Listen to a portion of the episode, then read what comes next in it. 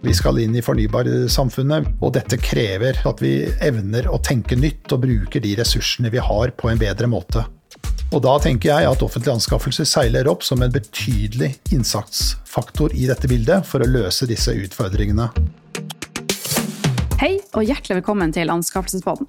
En podkast fra advokatfirmaet Simonsen Faktvik som tar for seg aktuelle anskaffelsesrettslige tema, for å gi deg som lytter en faglig oppdatering innenfor anskaffelsesretten. Ta med deg podkasten der du er, gjerne ut på tur.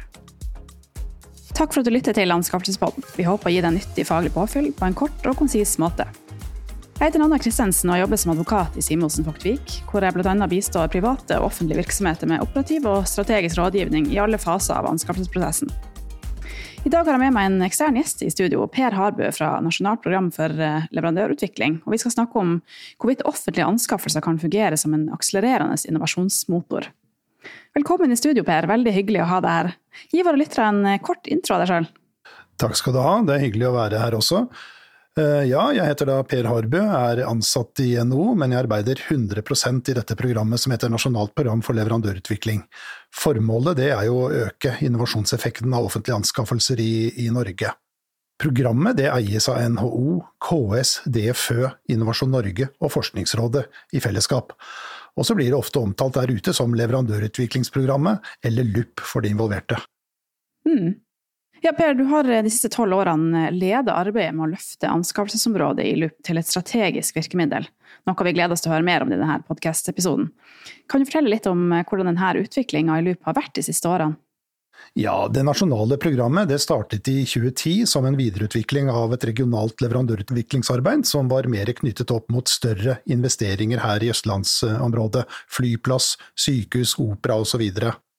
I den tid så var ikke offentlige anskaffelser utgangspunktet, men etter hvert så, så man hvilket enormt innovasjonspotensial som lå i å fokusere på innkjøpsmakten til det offentlige i innovasjonssammenheng. Mm. Og NHO og KS tok da initiativet til et nasjonalt program.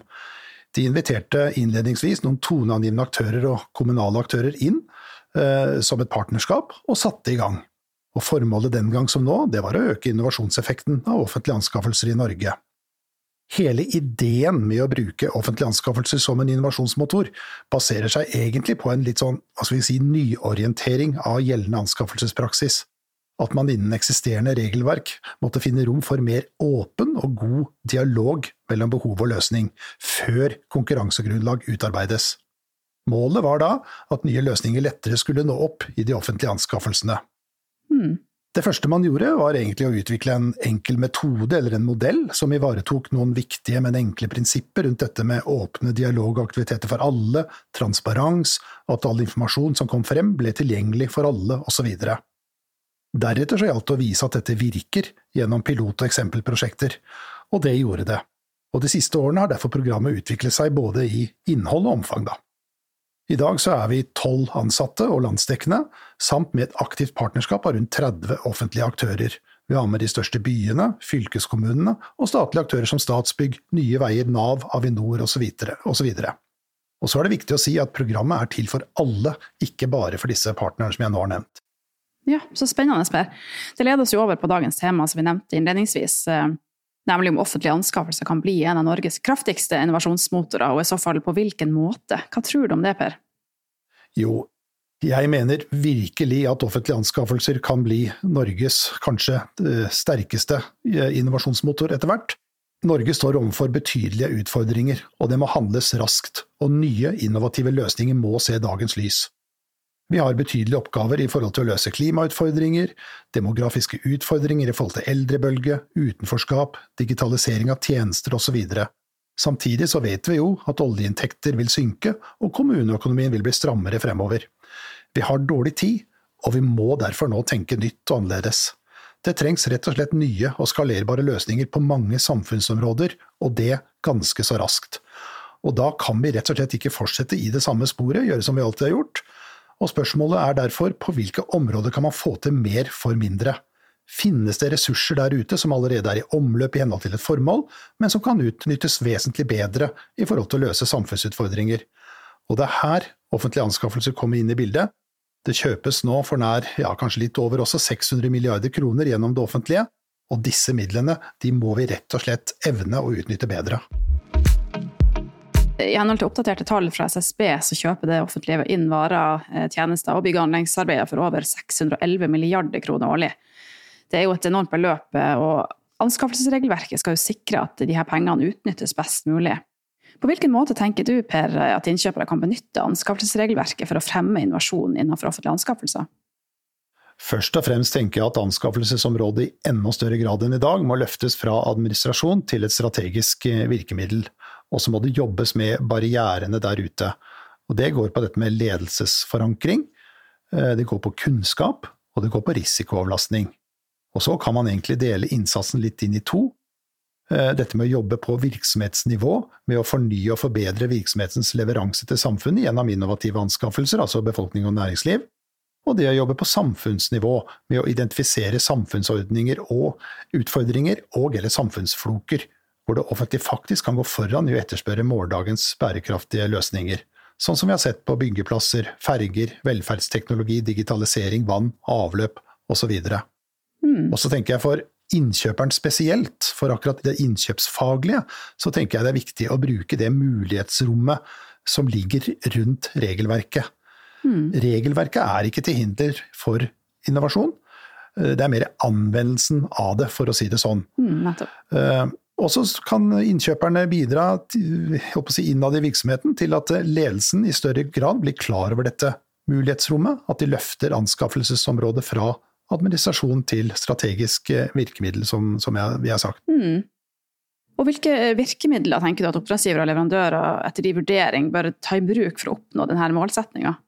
Jeg tenker I Norge er vi ganske heldige, som, hvor vi har tilgang, eller innkjøpsmiljøet har tilgang til både prosessuell og finansiell bistand rundt, rundt dette. Den prosessuelle bistanden den får man jo kanskje først og fremst gjennom DFØ og, og alt det som ligger på, på, DFØ sine hjemmesider, men også gjennom programmet vårt, som også har utviklet egne verktøy og, og maler osv. For, for dette arbeidet. Mm. Og I tillegg så har man jo det finansielle virkemiddelapparatet, som har utviklet nye virkemidler, som innovasjonspartnerskap, førkommersielle anskaffelser, og siste skuddet på stammen, som er Startoff, spesielt eh, beregnet for oppstartsbedrifter. Mm. Og så har man også kunnskap eh, man kan få gjennom å gå på disse nettsidene. Anskaffelse.no og innovativeanskaffelser.no. Mm, nettopp. Viktige verktøy eh, der, altså. Hvilken betydning tenker du at dette kan ha for oppdragsgivere og leverandører fremover? For oppdragsgivere så tenker jeg at man rett og slett bedre får dekt sine behov. Man ivaretar hva skal jeg si, kravet som samfunnet etter hvert har, har, har rundt den, og man får bedre dekt sine behov gjennom en innovativ anskaffelse enn en tradisjonell anskaffelse, ved at man får si, et større valg. Man, man, blir klar over større muligheter i forhold til det behovet man har. I tillegg så mener jeg det er et poeng at den offentlige virksomheten vil bli opplevd som si, innovativ og attraktiv for, for eh, leverandører, men også for de ansatte å jobbe i, når virksomheten er litt fremoverlent på, på dette området. Mm. Og I tillegg så tenker jeg det å ha liksom, ja, oppleve samfunnsansvar og ha et godt omdømme, det, det, er, det er, et gode for, for oppdragsgiverne å ha. Mm. For leverandørene så tenker jeg dette først og fremst er en helt unik mulighet til å forstå og bygge kunnskap om hva slags behov de ulike offentlige virksomhetene har, har fremover.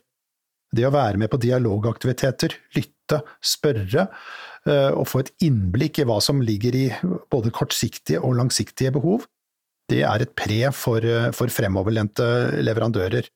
Eh, de får også muligheter til å treffe nye samarbeidspartnere i det som rigges rundt en innovativ anskaffelsesprosess, ser vi. Mm. Og ikke minst så, så, får de nye markedsmuligheter og, og, og nye markeder å, å, å, gripe fatt i.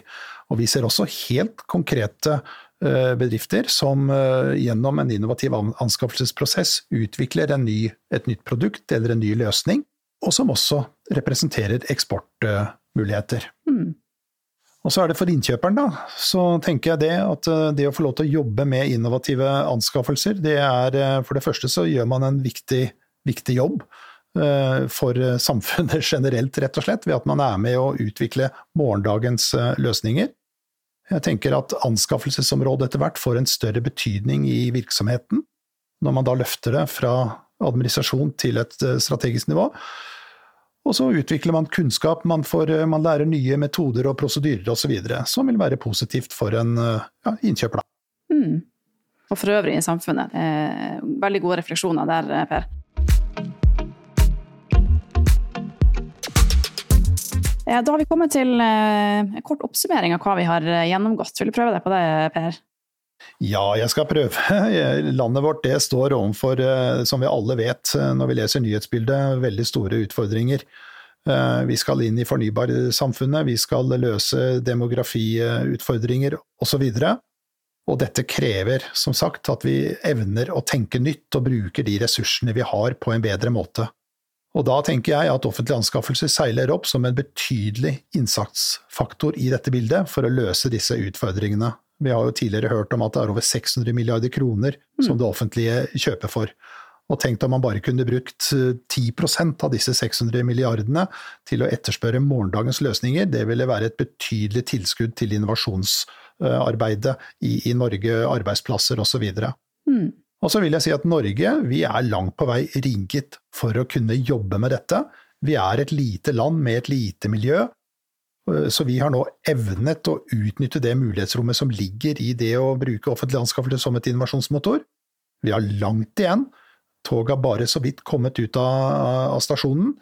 Men eh, vi har altså denne muligheten i Norge, og derfor vil jeg oppfordre nå alle sammen til virkelig å ja, sette seg inn i hva dette området faktisk kan bety for en sjøl som innkjøper, for virksomheten man er ansatt i, og for landet vårt. Mm, veldig bra, Per.